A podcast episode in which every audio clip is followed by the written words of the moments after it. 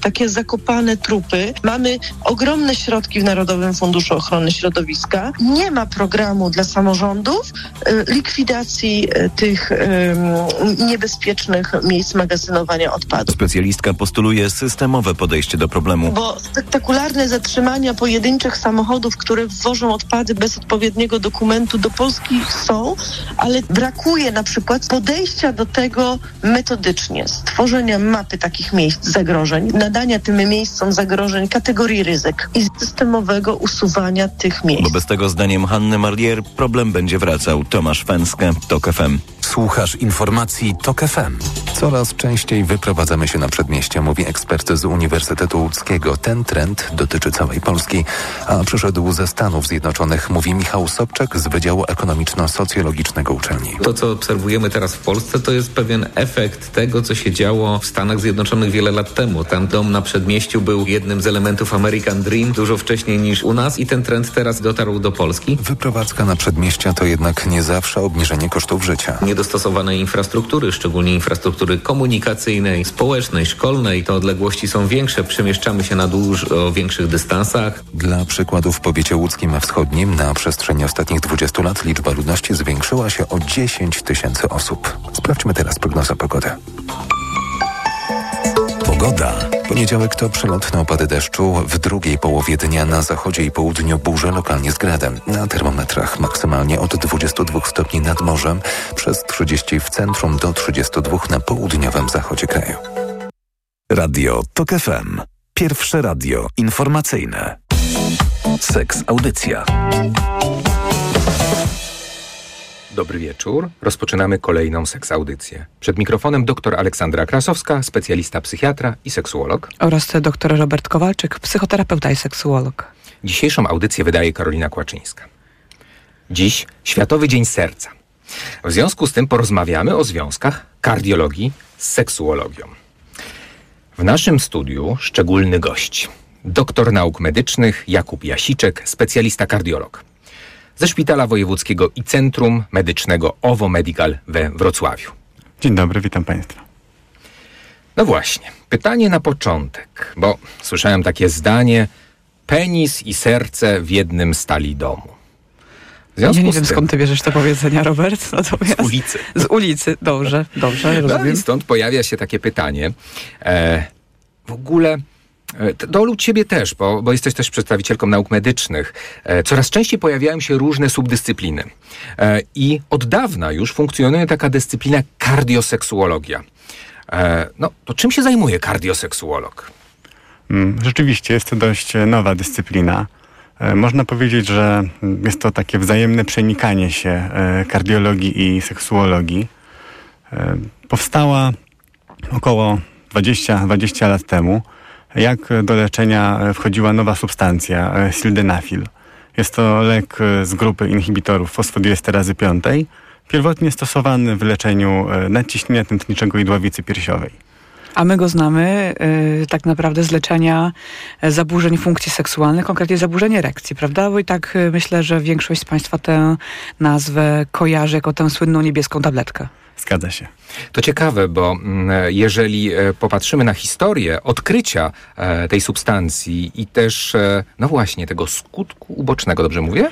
Jakim tak. było, była sprawność erekcyjna, to, to też ciekawa historia, bo to jest lek pierwotnie kardiologiczny. Tak, rzeczywiście. Podczas leczenia i zastosowania tego leku u pacjentów z nadciśnieniem czy właśnie z dławicą piersiową, zaobserwowano, że e, niewielki bodziec, e, czy to wzrokowy, czy słuchowy, wywołuje erekcję, która by w normalnych warunkach nie, nie zaistniała. Pacjenci byli tym częściowo skrępowani, skrępowani, nie wiedzieli, nie wiedzieli co się dzieje. I, I zostało to zaobserwowane w wyniku leczenia. Zaskoczenie efektem, prawda? Ten efekt uboczny stał się e, lekiem głównym, bo e, jeżeli popatrzymy na e, przychody tej firmy, to jedno z najczęściej kupowanych leków na świecie, e, jeżeli chodzi o, o właśnie tą, ten poprawę funkcji erekcyjnej. No dobrze, ale e, jest to lek kardiologiczny dalej stosowany w kardiologii? Tak, e, jak najbardziej. W dalszym ciągu go stosujemy.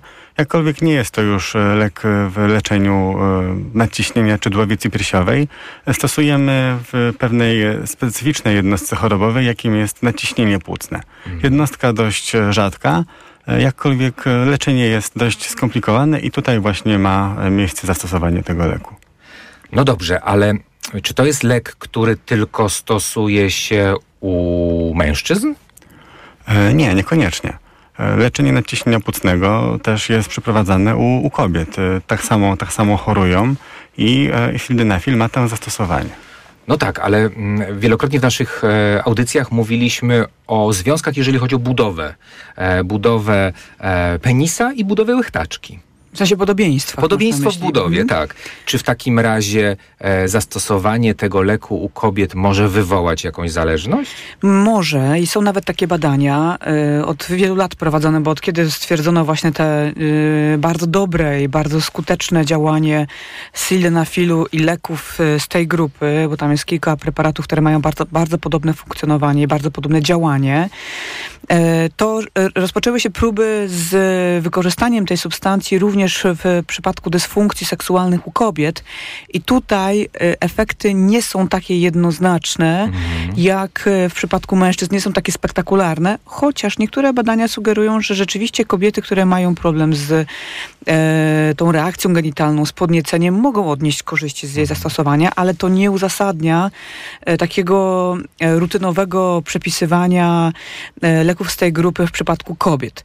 E, to wymaga dalszych badań, wymaga dalszych obserwacji i tutaj od razu tak słowem komentarza, że no, kobiety ciągle czekają na tę swoją niebieską tabletkę taką mhm. symboliczną, y, że wydaje się, że o ile u wielu mężczyzn zaburzenia erekcji wiążą się z tym mechanizmem naczyniowym, y, to y, u kobiet często ma to jednak podłoże na tyle złożone i wieloczynnikowe. Nie twierdzę oczywiście, że u mężczyzn jest to tylko ta kwestia naczyniowa, ale mhm ale u kobiet y, wydaje się, że tutaj ta kwestia psychogenna, e, hormonalna, e, czyli innymi słowy wieloczynnikowa e, dominuje i, i dlatego zadziałanie tylko na ten jeden, ten jeden konkretny czynnik no nie daje takiego spektakularnego efektu. Takie są hipotezy, ale do, na dzień dzisiejszy, prawda? Zobaczymy, co będzie w dalszych latach. No, jeżeli popatrzymy na mechanizm e, erekcyjny, e, to też jest wskaźnik zdrowia. E, to znaczy, no, mocna erekcja jest to jednym z emblematów zdrowia u mężczyzn. Czy w takim razie osłabienie tej erekcji jest dla kardiologa sygnałem, że coś, e, nie wiem, jakieś schorzenie się pojawia? Poza oczywiście takim elementem, jakim efektem są zaburzenia erekcji. Myślę, że jak najbardziej jest to, jest to sygnał e, nie tylko dla kardiologa, jak i dla każdego lekarza i, i dla pacjenta również, że warto się przyjrzeć, co się, co się dzieje z, naszym organizmem i dlaczego, dlaczego wspomniane zaburzenia się pojawiają. E, pod kątem kardiologicznym, jak już tutaj zostało e, poruszone między nami, może być e, mm, zaburzenia erekcji mogą być wywołane na tle naczyniowym. Co to znaczy ten, to tło naczyniowe? Rozumiemy to w ten sposób, że naczynia krwionośne są wyścielone śródłąkiem. To jest taka pojedyncza warstwa komórek, która jest odpowiedzialna za wytwarzanie mm, substancji, która się nazywa tlenek azotu, który następnie w wyniku różnych reakcji biochemicznych powoduje mm, mm, rozszerzenie naczyń krwionośnych, głównie tętniczych naczyń krwionośnych, w wyniku czego zwiększa się przepływ do organów, między, mhm. między innymi do penisa. Sensie, że napływa więcej krwi. Jak jest szersze naczynie, prawda, no to więcej krwi się. E, I e, tutaj od razu, e, trochę przepraszam, że wejdę ci w słowo, że to też od razu pokazuje taką, taką, takie, taką wybitną złożoność tego mechanizmu, który wydaje się prosty, mhm. ale tak naprawdę tutaj na wielu etapach, wiele obszarów musi prawidłowo zadziałać, bo pierwsze ten bodziec, ten prawidłowo interpretowany bodziec przez nasz ośrodkowy układ nerwowy, to prawidłowo nieprawidłowe przekaźnictwo, następnie drogami wstępującymi do rdzenia kręgowego. Wreszcie jest tak, że e, właśnie te zakończenia nerwowe mhm. będą produkowały tlenek azotu i to jest oczywiście bardzo złożone i tutaj ta, ta funkcja erekcyjna, funkcja, ta mhm. zdolność do tego, żeby nastąpiła erekcja zależy od, od, od prawidłowego, prawidłowego współdziałania wielu różnych elementów. Ale ten mechanizm naczyniowy związany z budową naczynia krwionośnego, z tego jak bardzo elastyczne jest naczynie, czy ono się łatwo rozszerza, czy ono się trudno rozszerza ze względu na proces chorobowy, to będzie wpływało właśnie na to, że u mężczyzny mogą się pojawić problemy z erekcją. I mhm. dlatego jak mhm. e, e, dlatego my też często w tych naszych audycjach rozmawiamy o, o, o tym, że to nie jest dobry pomysł, że jeżeli pojawiają się problemy z erekcją, to że pierwszą rzeczą, którą robi taka osoba, to jest pójście do apteki i kupienie sobie czegoś na erekcję. Prawda? Bo to może świadczyć o tym, że zaczyna się proces chorobowy. To proces znaczy, chorobowy dotyczący naczyń. Tak, przykrywamy, przykrywamy objaw. I przez to odwlekamy moment mhm. prawidłowej diagnozy. A myślę, że zgodzisz się ze mną, że e, to już na tym etapie może być takim bardzo ważnym sygnałem ostrzegawczym. No właśnie, to jest taki ciekawy wątek. Powrócę do tego, co wielokrotnie słyszałem na konferencjach, że e, o dwa lata wyprzedza incydent, e, incydent sercowo-naczyniowy, zawał, e, właśnie problem z erekcją, że to jest jakiś taki wymierny wskaźnik również dla innych specjalistów. Powie, Ola, mamy takie, takie doświadczenie, że ludzie idą do seksuologa i wiedzą, że tam będzie pytanie o na przykład o erekcję, prawda? O jakość tej erekcji. Natomiast u innych lekarzy e, może się pojawić pytanie, ale po co mnie pyta internista o to, prawda? Albo po co mnie pyta e, kardiolog o to? No właśnie po to, że to jest doskonały wskaźnik. Jak najbardziej. Rzeczywiście tutaj um, uważamy, że um, zaburzenia erekcji, e, u których um, których etiologia może być e, związana właśnie z dysfunkcją śródbłąka naczyniowego, wyprzedza rozwój choroby niedokrwiennej serca, bądź w dalszym jej etapie wyprzedza potencjalny ostry zespół wieńcowy, czyli, czyli zawał serca. W jakich to jest przedziałach czasowych ciężko, jest to powiedzieć, no, ponieważ czy to jest 2 lata, czy 5 lat. Jest to e, dysfunkcja śródbłąka rozwija się na przestrzeni lat. E, mhm. Jest to e, związane mm, jest to, jest to wieloczynnikowy proces, mhm. związany w dużej części z naszym stylem życia, od naszej aktywności fizycznej, od tego, jak się odżywiamy, od e, niekorzystnych zachowań prozdrowotnych, e, na przykład palenie tytoniu. Uszkadza śródbłonek. Uszkadza śródbłonek, mhm. tak. Co jeszcze uszkadza e, śródbłonek? Myślę, że takim procesem, który od razu się nam kojarzy i przychodzi do głowy jest miażdżyca. Tak, miażdżyca jest efektem uszkodzenia śródbłonka. Mhm.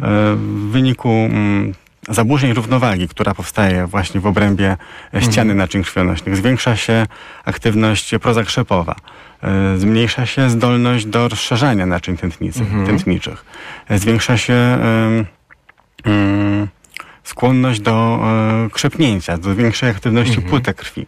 To wszystko przyczynia się no, do potencjalnego właśnie rozwoju miażdżycy i e, pogorszenia i... jakości erekcji. Jak najbardziej. No tak, ale to jest właśnie też o tym, co wielokrotnie mówimy w naszych e, audycjach. Ta zależność pomiędzy różnymi schorzeniami, a jakością życia seksualnego.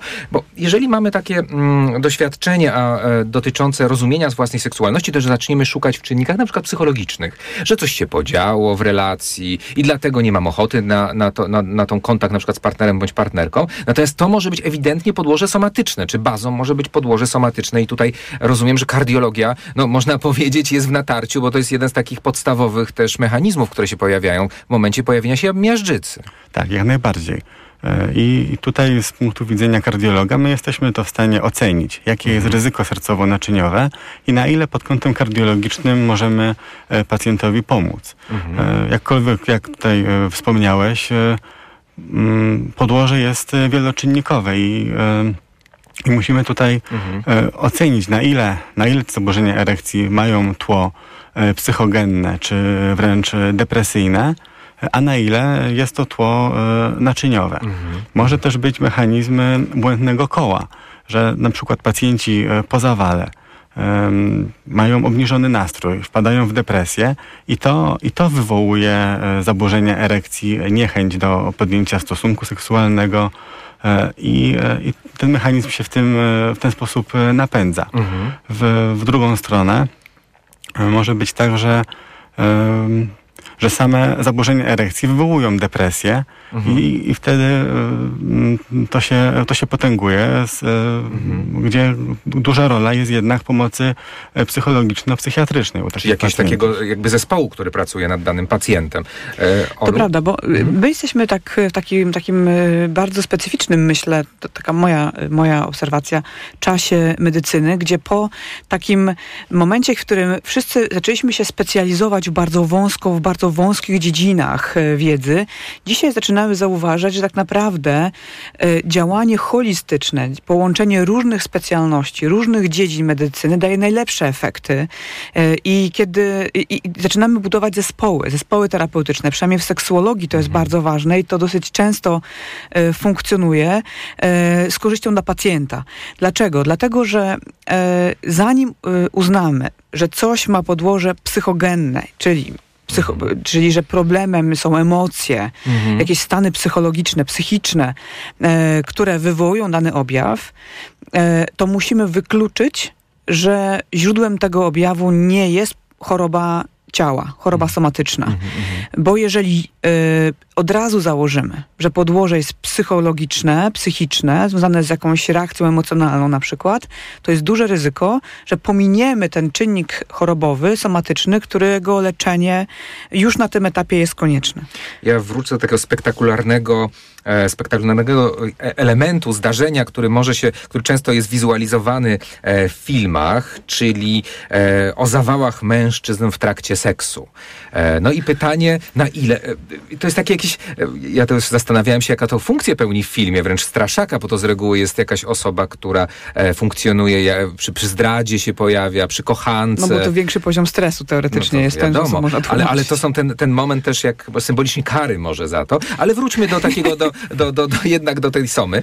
E, no właśnie, czy, bo wspomniałeś o tych zawałach i też cała, e, pojawiają się też prace, które mówią o funkcjonowaniu seksualnym po zawale, e, ale jakby chciałbym na, na, początek rozwiać jakby ten wątek. No, profesor Starowicz mówił o słodkiej śmierci, prawda? Czyli ta śmierć w trakcie kontaktu seksualnego. Jakie jest ryzyko w ogóle tego? No, ja mówię taki lęk pierwotny może. Bardzo, bardzo to jest ciekawe pytanie, jestem bardzo ciekawa odpowiedzi. E, rzeczywiście, temat, temat się pojawia i, i wraca. E, tak jak te wspomniałeś między innymi w filmach, czy w takiej obawie e, normalnej ludzkiej mm, u, u pacjentów. E, ja bym tego nie demonizował e, aż tak. E, wysiłek związany z samym aktem seksualnym to nie jest jakiś heroiczny wysiłek. No to zależy. No. Okej, okay, to zależy od sposobu i rodzaju kontaktu seksualnego, ale klasyczny kontakt genitalno-genitalny, klasyczny seks, to nie jest tak, jak ty mówisz, wysiłek, który yy, yy, no jest jako, dla, dla pacjentów chorujących na serce generalnie jako mhm. dla grupy, yy, dla wszystkich niebezpieczny. Jest pewna grupa osób, która, dla której rzeczywiście to może stanowić problem, ale to jest tylko A czy to jest realne niewielki ryzyko? odsetek. No właśnie. Mm. Ryzyko jest rzeczywiście, jakkolwiek tak jak tutaj poruszyliśmy, możemy pacjentów podzielić pod kątem ryzyka na ryzyko niskie, pośrednie i wysokie, e, związane z samym e, stosunkiem e, seksualnym. I, i to ryzyko mm, u pacjentów, z, mm, u pacjentów zakwalifikowanych do tej, do tej wysokiej grupy rzeczywiście, rzeczywiście może być w jakiś sposób niebezpieczne, ale jest to wysublimowana grupa pacjentów. Są to pacjenci w mm, okresie powiedzmy do dwóch, do dwóch tygodni po, po zawale serca. Są to pacjenci z niestabilną chorobą wieńcową, gdzie rzeczywiście um, może, może to nieść e, potencjalne niebezpieczeństwo. Mhm. Jakkolwiek znakomita większość pacjentów, czy po zawale, czy obciążonych nadciśnieniem tętniczym, czy z innymi schorzeniami e, kardiologicznymi, którzy są e, prowadzeni, są pod kontrolą i ocenieni przez lekarzy kardiologów bądź internistów mhm. w różnego rodzaju badaniach, jak na przykład badanie echokardiograficzne, badanie mm, na bieżni, tak zwane badanie wysiłkowe, E, nie, nie stanowi, e, nie stanowi mm, sam akt seksualny ryzyka nagłej śmierci sercowej. Ale warto o to zapytać właśnie kardiologa. Czy na przykład podjęcie takiej aktywności wiązałoby się dla mnie z jakimś ryzykiem? I to jest oczywiste pytanie do kardiologa też. Tak. Bo jakby e, to, co ty też, Olo, mówisz, to e, jakby zmaganie się z tym lękiem wokół tego, prawda? Z jakimiś pytaniami, a czy mogę, czy nie mogę, a może coś się stanie, może też potęgować coś, co, co, co po prostu może być rozwiane e, odpowiedzią specjalisty. Rzeczywiście tutaj lęk towarzyszy pacjentom po zawale. E, Pacjenci boją się, na ile mogą wrócić do, do aktywności, czy to fizycznej, czy do aktywności seksualnej po zawale.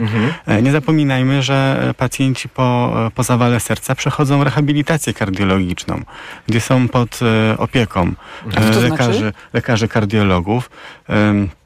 Mają, wykonują ćwiczenia fizyczne. Aha, właśnie, czy to na rowerze, czy na bieżni, są zamonitorowani. Jest monitorowana akcja serca, monitorowane ciśnienie tętnicze i, i wtedy w oparciu o taką przeprowadzoną rehabilitację oni sami wiedzą, że mm, mogą wykonywać wysiłek fizyczny i nie jest to dla nich e, niebezpieczne.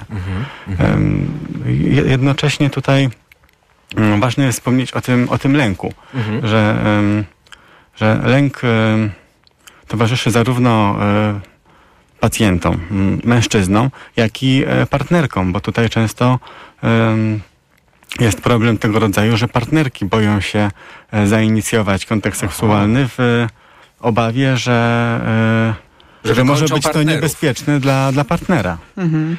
E, e, e, I to jest też pytanie, które śmiało należy zadać w gabinecie kardiologicznym, prawda? Bo czasami też zastanawiamy się, czy lekarza wypada pytać o ten seks, tak? Lekarz może się mieć wątpliwości, czy pacjent nie pomyśli Znaczy sobie lekarza, nie czegoś dziwnego. seksuologa, prawda? Dokładnie, lekarza różnej specjalności. Czy należy pytać aktywność seksualną? Nawet, nawet odpowiadamy, że nawet trzeba.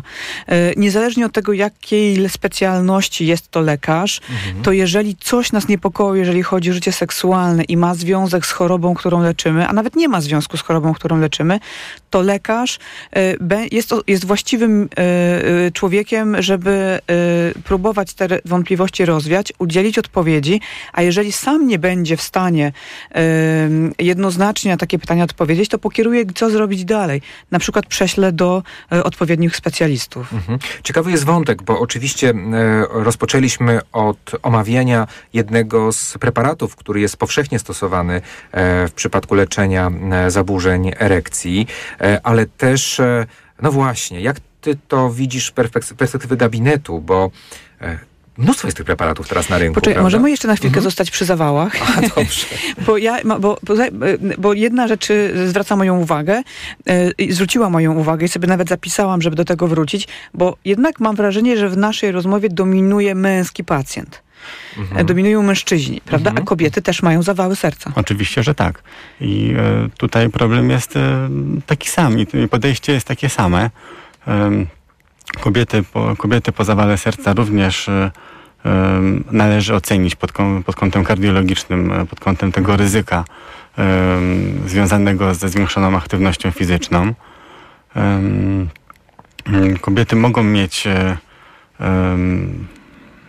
Dolegliwości, na przykład w trakcie aktu seksualnego? Tak, jak albo... najbardziej. No, nie, nie zapominajmy, że em, zawał jest em, chorobą o etiologii miażdżycowej. Mhm. Miażdżyca nie, do, nie dotyka tylko tętnic wieńcowych, unaczyniających serce, Mhm. e, ale również, e, również inne obszary, jak na przykład e, tętnice biodrowe i jej e, kolejne rozgałęzienia unaczyniające narządy płciowe.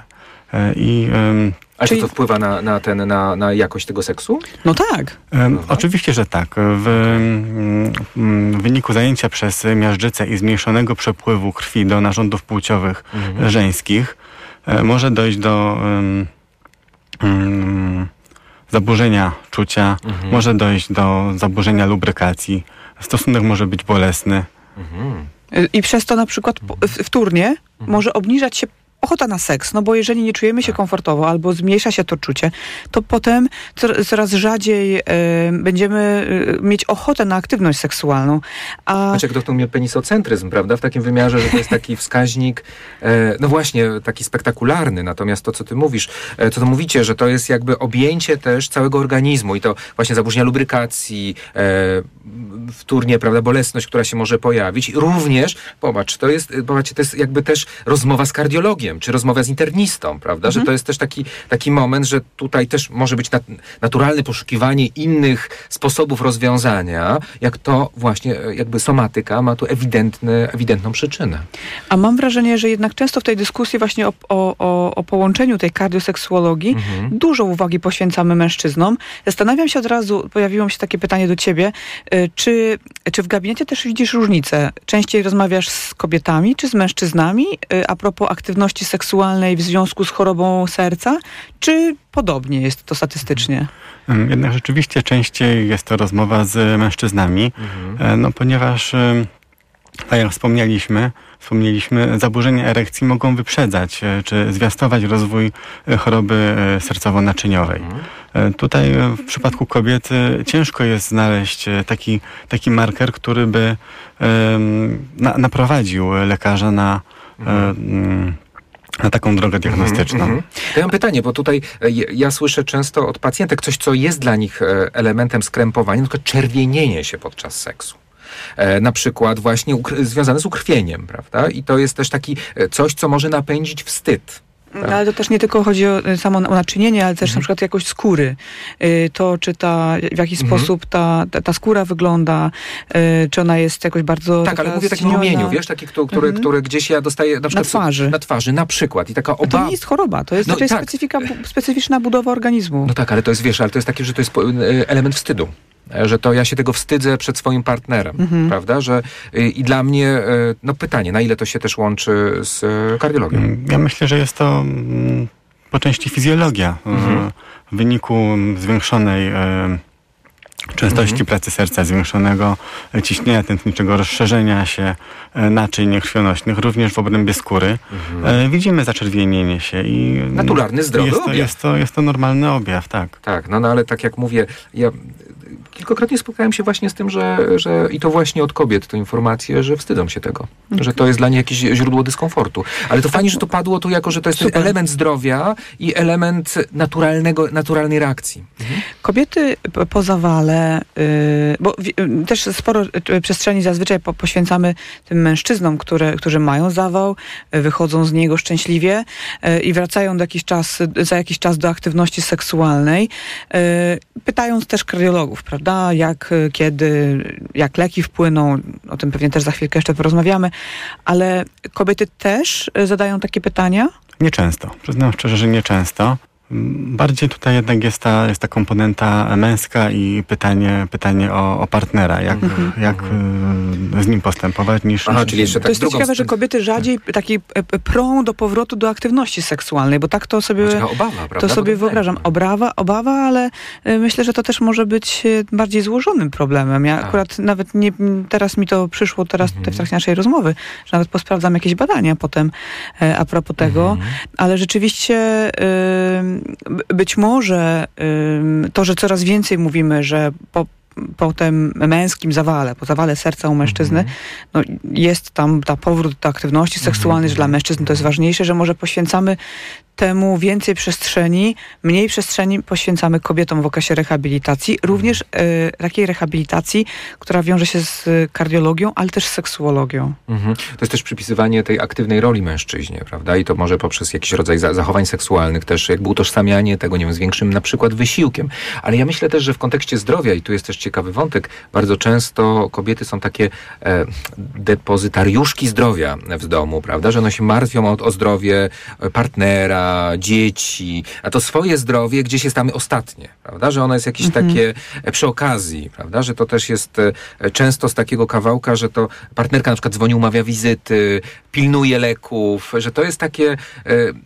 Wiesz, na przykład jak patrzę w poradni, to, to no, oczywiście różnie z tym, e, tym dyskutujemy, natomiast to, e, to kobiety zapisują mężczyzn do, do, do, do specjalisty częściej, prawda? Więc to jest też taki wątek, mi się wydaje, tak jak mówisz, złożony. Tam może być kilka elementów i społecznych, i też takich, no właśnie, że nie ma takiego spektakularnego może wskaźnika, e, że, że nie myślę o tym połączeniu, a ty właśnie bardzo dobrze tutaj, że to padło, że jest to połączenie i bardzo też silnie koreluje z różnymi możliwymi dysfunkcjami, więc to pytanie jest jest jak najbardziej zasadne u internistów. Dlatego zachęcamy kobiety y, do rozmów ze swoimi kardiologami, które mają jakiś problem z Mhm. aktywnością seksualną, do rozmów ze swoimi kardiologami, żeby ten temat poruszać, wyjaśniać i być może Mhm. łatwiej będzie zacząć te rozmowy właśnie z lekarzem kardiologiem, niż od razu kierować się do seksuologa, czy Mhm. do psychiatry, seksuologa, czy do psychologa, seksuologa, ale żeby ten wątek po prostu zacząć Mhm, gdzieś. mhm.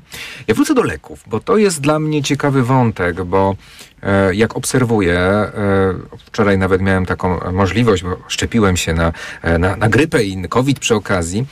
E, e, rozmawiałem z farmaceutką, bo akurat robiłem to szczepienie w aptece i powiedziała, że bardzo duża jest, sprzeda- ogromna jest sprzedaż e, leków na potencję i one są trochę kupowane na zasadzie pewnego dopingu.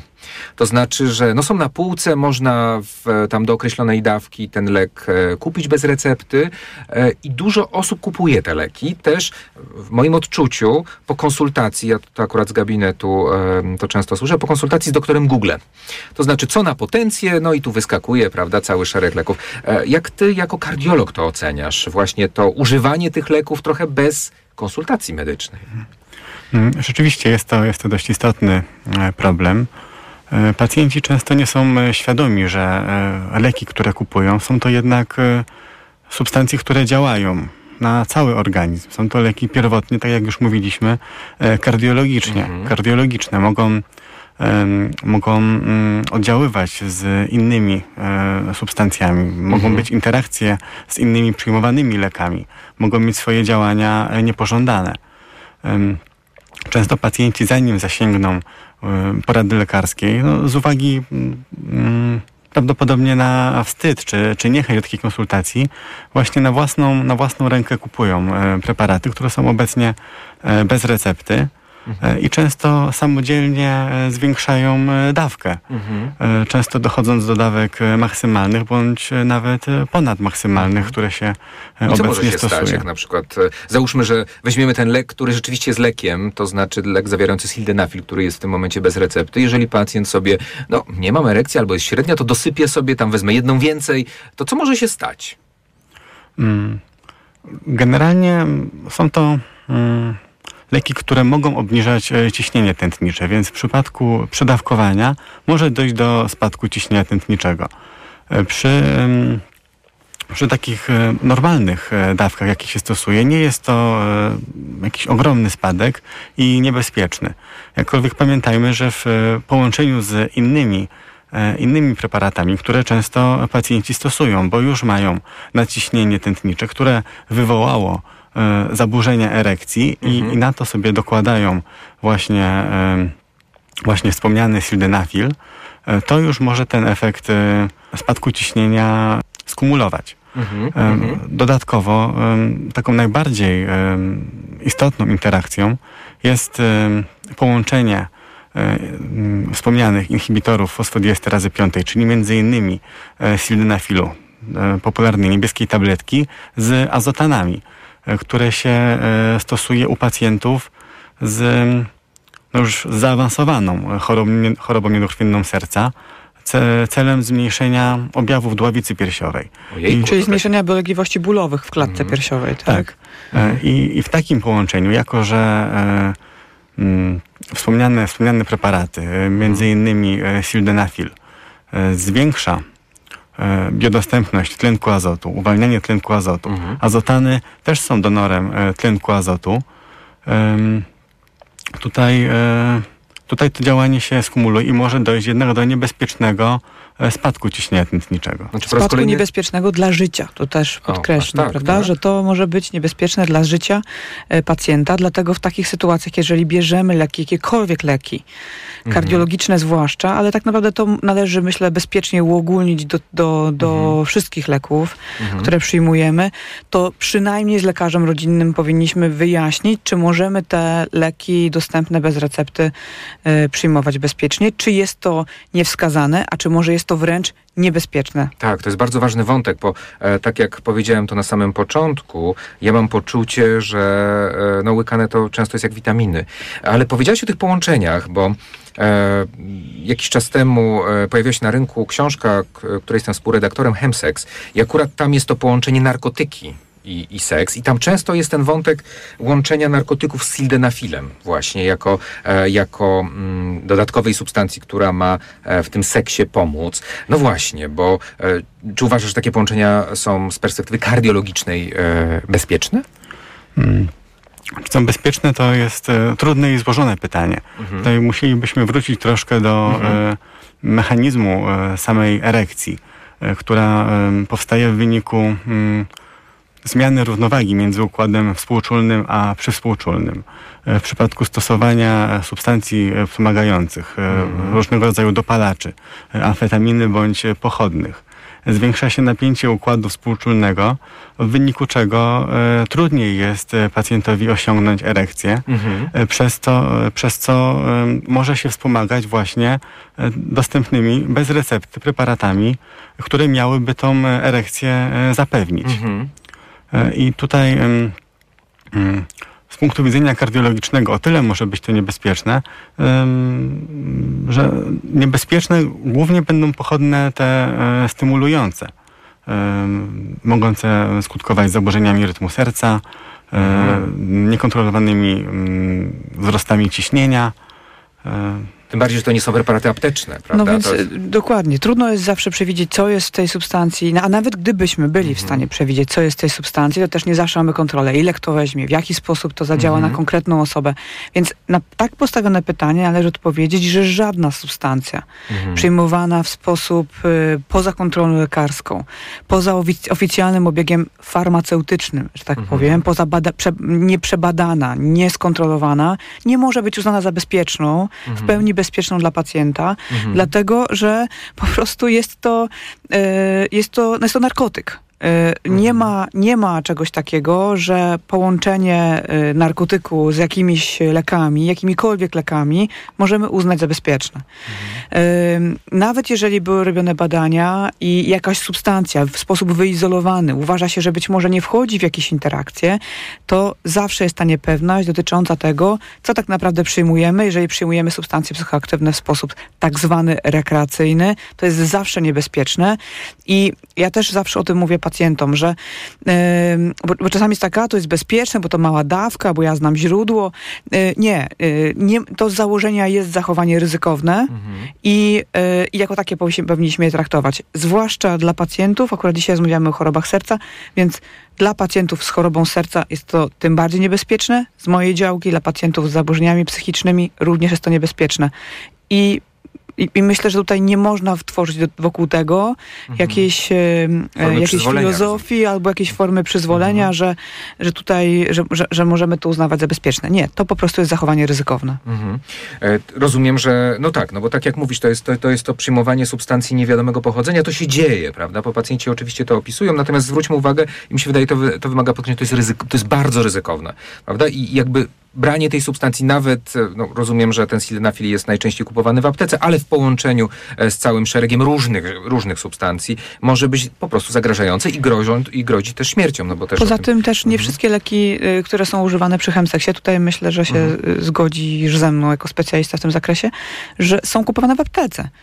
E, tylko no, pochodzą z różnych źródeł y, legalnych bądź nielegalnych, oficjalnych bądź nieoficjalnych i wtedy dodatkowym problemem jest to, co jest e, zawarte w tej tabletce, która e, funkcjonuje w danej grupie jako właśnie lek na erekcję. Tak naprawdę mhm. też dopóki coś nie jest e, kupione w aptece, no to nie możemy mieć pewność, coś w środku. Mhm.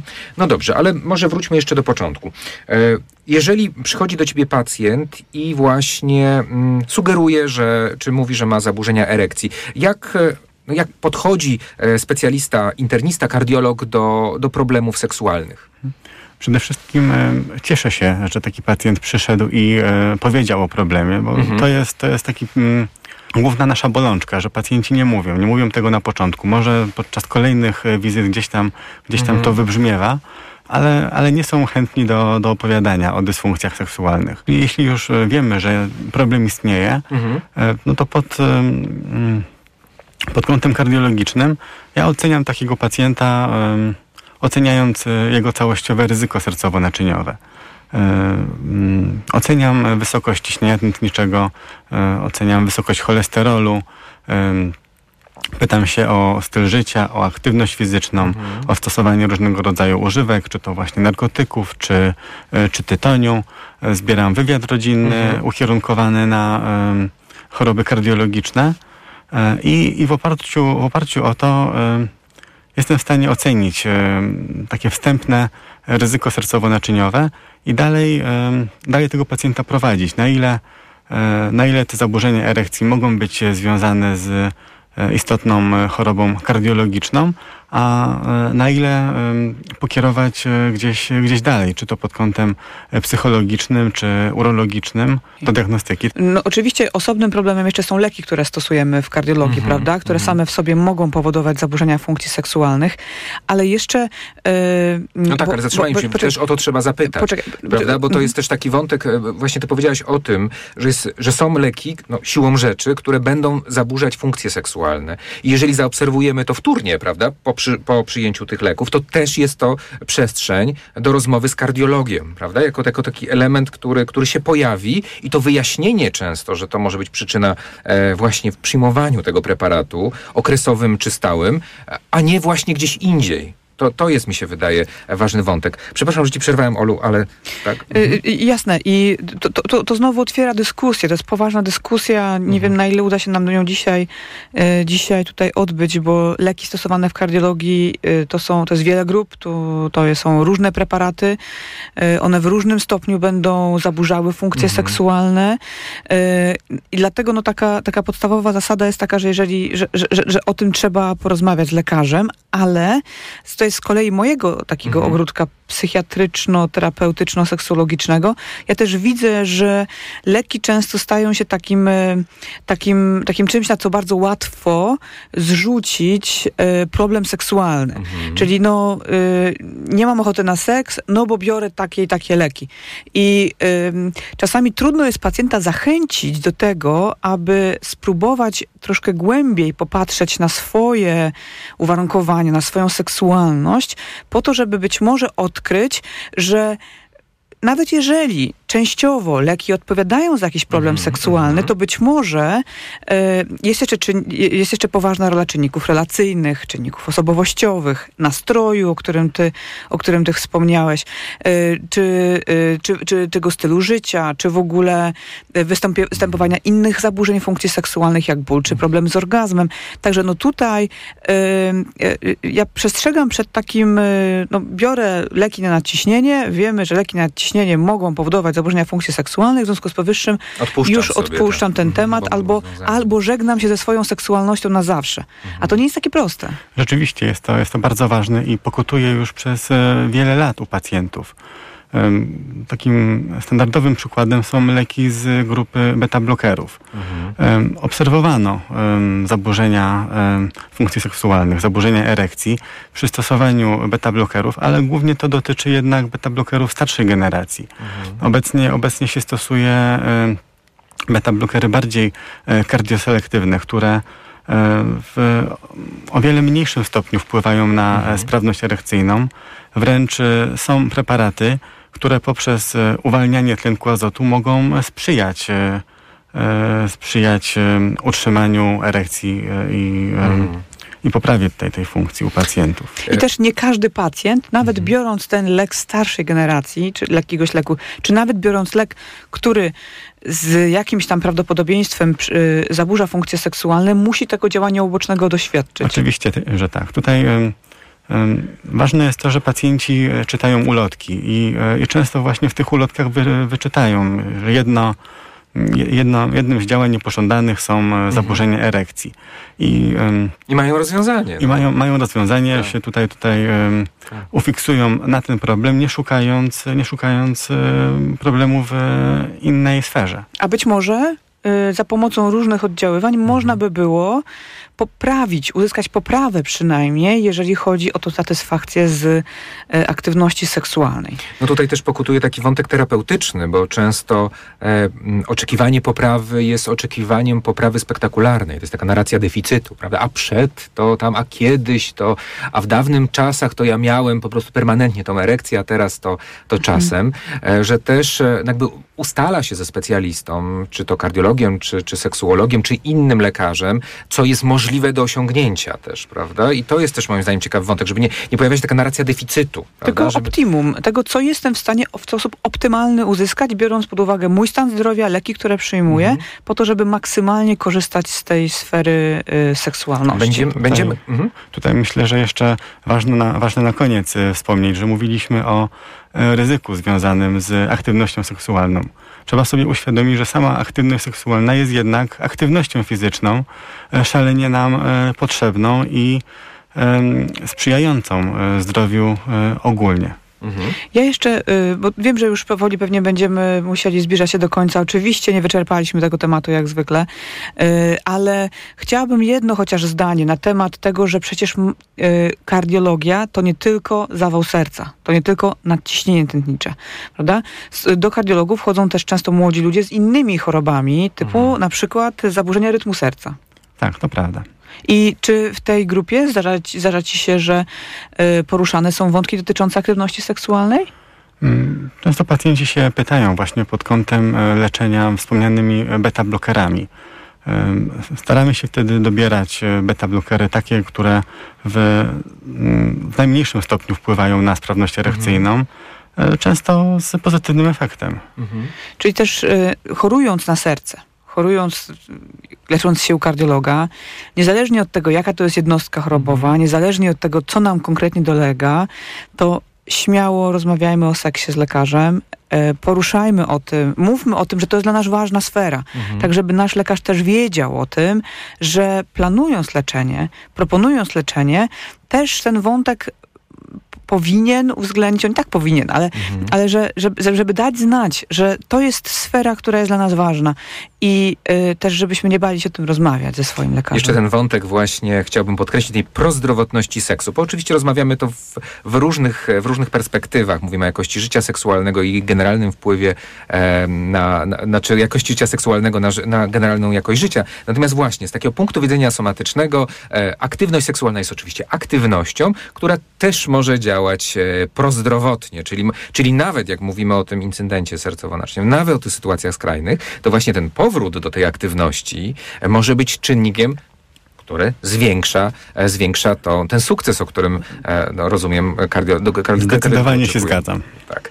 No dobrze, ale na koniec chciałbym jeszcze wypunktować, co jest jakby ważne w kontekście zadbania o e, zdrowie seksualne z perspektywy kardiologa. To, co można by było tutaj podpowiedzieć naszym słuchaczom. Mm, należy przede wszystkim, e, dysfunkcje seksualne e, na tle kardiologicznym są związane z rozwojem miażdżycy. Mhm. Czyli tutaj będziemy działać wszystko e, w, w, każdym obszarze, żeby zapobiegać rozwojowi miażdżycy. Mhm. Czyli prozdrowotny tryb życia, aktywność fizyczna, zdrowa dieta, kontrola ciśnienia, kontrola cholesterolu. To są najważniejsze rzeczy, które tutaj warto a z, z, mojego kawałka, takiego mhm. trochę ka kardiopsychoseksuologii może, e, to e, jednak e, pamiętajmy, że choroba przewlekła, jak i, jaką jest, są, jaką, do której należą choroby serca, to jest często obciążenie dla nas. Dla nas, mhm. dla, naszego, dla naszego organizmu, dla naszego e, i stanowią wyzwanie również dla, naszego mózgu, nie tylko ze względu somatycznego, ale też e, ze względu na pewnego rodzaju reakcję emocjonalną, która może jej towarzyszyć. Mhm. I teraz my oczywiście te zaburzenia funkcji seksualnych, które wiążą się z chorobą przewlekłą, dzielimy na pierwotne, wtórne, trzeciorzędowe. Pierwotne, czyli takie, które bezpośrednio wiążą się z jednostką chorobową, mhm. czyli tak jak w przypadku na przykład naciśnienia tętniczego, czy chorób serca, na przykład ta miażdżyca, mm -hmm, prawda, która uszkadza mm -hmm. naczynia krwionośne i wtedy, czy jest tym efektem i powoduje zaburzenia funkcji seksualnych i większość pacjentów w pewnym momencie może doświadczyć pewnego problemu. Ta wtórna, która wiąże się z no, taką ogólną konsekwencją, yy, jaką jest na przykład zmęczenie, jaką jest osłabienie, które wynika z choroby przewlekłej, a ta trzeciorzędowa jest jeszcze yy, pomiędzy chorobą a zaburzeniem funkcji seksualnych jest ten stan emocjonalny. Jest lęk, o to, co będzie dalej. O to, czy będę zdrowy, czy będę sprawny, czy będę mhm. sprawna, jak będę funkcjonować. Jest, często jest smutek, często jest złość, jest poczucie bezradności. Może się mhm. pojawić takie utożsamianie sprawności seksualnej ze sprawnością fizyczną. Jak nie jestem sprawny fizycznie w 100%, to nie jestem w stanie też w 100% czerpać przyjemności seksualnej. I tu znowu jest ta pewna akceptacja trudności, które wynikają z faktu, że mam jakąś chorobę przewlekłą. Y, dlatego te wszystkie elementy, y, nawet y, jeżeli trudno jest nam, nam je ponazywać, to będą y, po pierwsze wpływały na naszą jakość życia seksualnego, ale też warto z nimi o tym porozmawiać, ze spe- o, o nich porozmawiać ze specjalistą. Czyli tutaj psycholog, seksuolog, y, ale też psycholog, y, dobry psycholog, dobry psychoterapeuta y, powinien służyć nam pomocą y, w takiej sytuacji. Lekarz psychiatra jak najbardziej, lekarz seksuolog jak najbardziej. Y, ważne, żebyśmy poszukiwali tego, tem- żebyśmy otwierali ten temat, żebyśmy rozmawiali o tym, jak my się czujemy z chorobą przewlekłą. Ym, no, czy tak jak dzisiaj rozmawiamy, jak my się czujemy z faktem, że mamy, że chorujemy na serce y, i y, żebyśmy szukali te, tej pomocy też wsparcia psychologicznego, psychoterapeutycznego, bo to też będzie wpływało na naszą jakość życia seksualnego, jak my się czujemy sami ze sobą. E, Dzisiejszą audycję poświęciliśmy kardioseksuologii. Jeżeli Państwo mają jakiekolwiek pytania, jakiekolwiek refleksje, zachęcamy do pisania do nas poprzez media społecznościowe. Znajdą nas Państwo pod nickiem Seks w Toku. Można też do nas napisać klasycznego maila na adres seksmałpa.tok.fm. Oczywiście zachęcamy jak co tydzień do śledzenia naszych podcastów na stronie radia e, Tok FM. Znajdą nas Państwo w zakładce podcasty. Też funkcjonujemy na Spotify'u e, oraz e, można też wyszukać poszczególne audycje przez nasze media e, społecznościowe.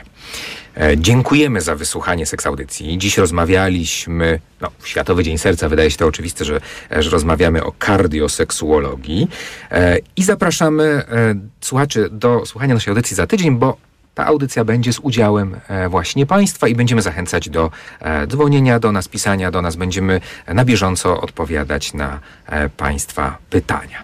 Audycję prowadzili dla Państwa dr Aleksandra Krasowska i Robert Kowalczyk, a naszym gościem był dr Jakub Jasiczek, Jasiczek przepraszam, ze Szpitala Wojewódzkiego i Centrum Medycznego OWO Medical we Wrocławiu. Dziękujemy i dobranoc. Dobranoc. Dziękuję, dobranoc. Seks Audycja. Radio TOK FM. Pierwsze radio informacyjne.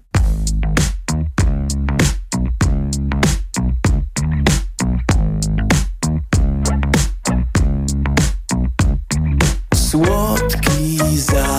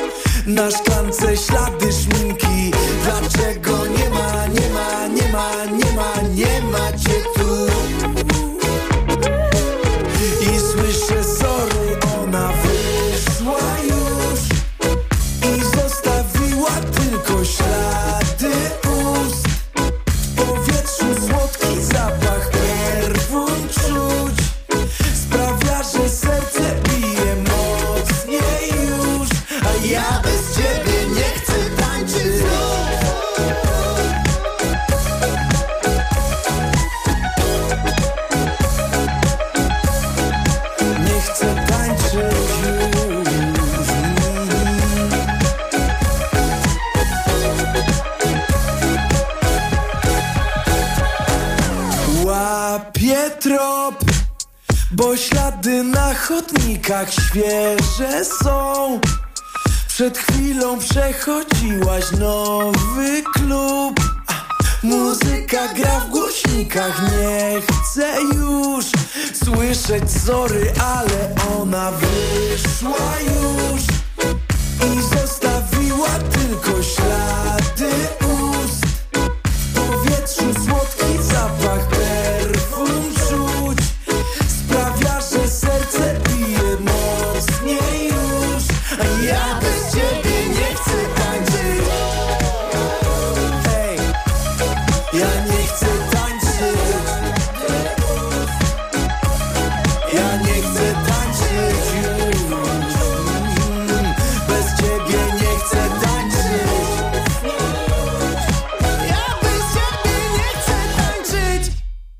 Я так и не понял, не знаю. Nie słyszałem wybuchu, spadło na mnie okno, było mnóstwo kurzu. Najgorsze były krzyki, które się zaczęły, dzieci i dorosłych. Пациенты, которые нужны.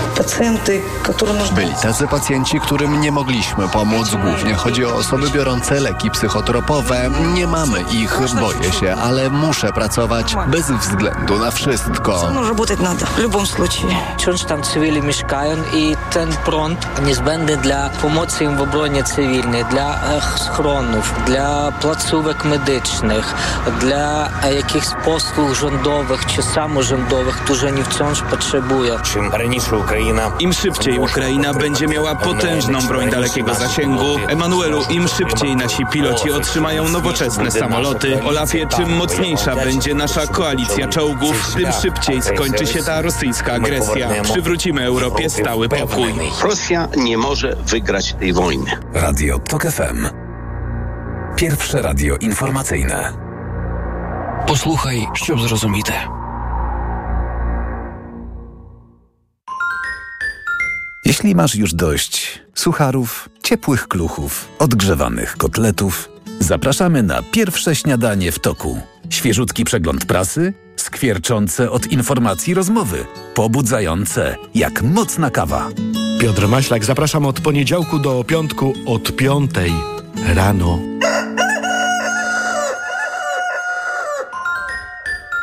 Radio TOK FM. Pierwsze radio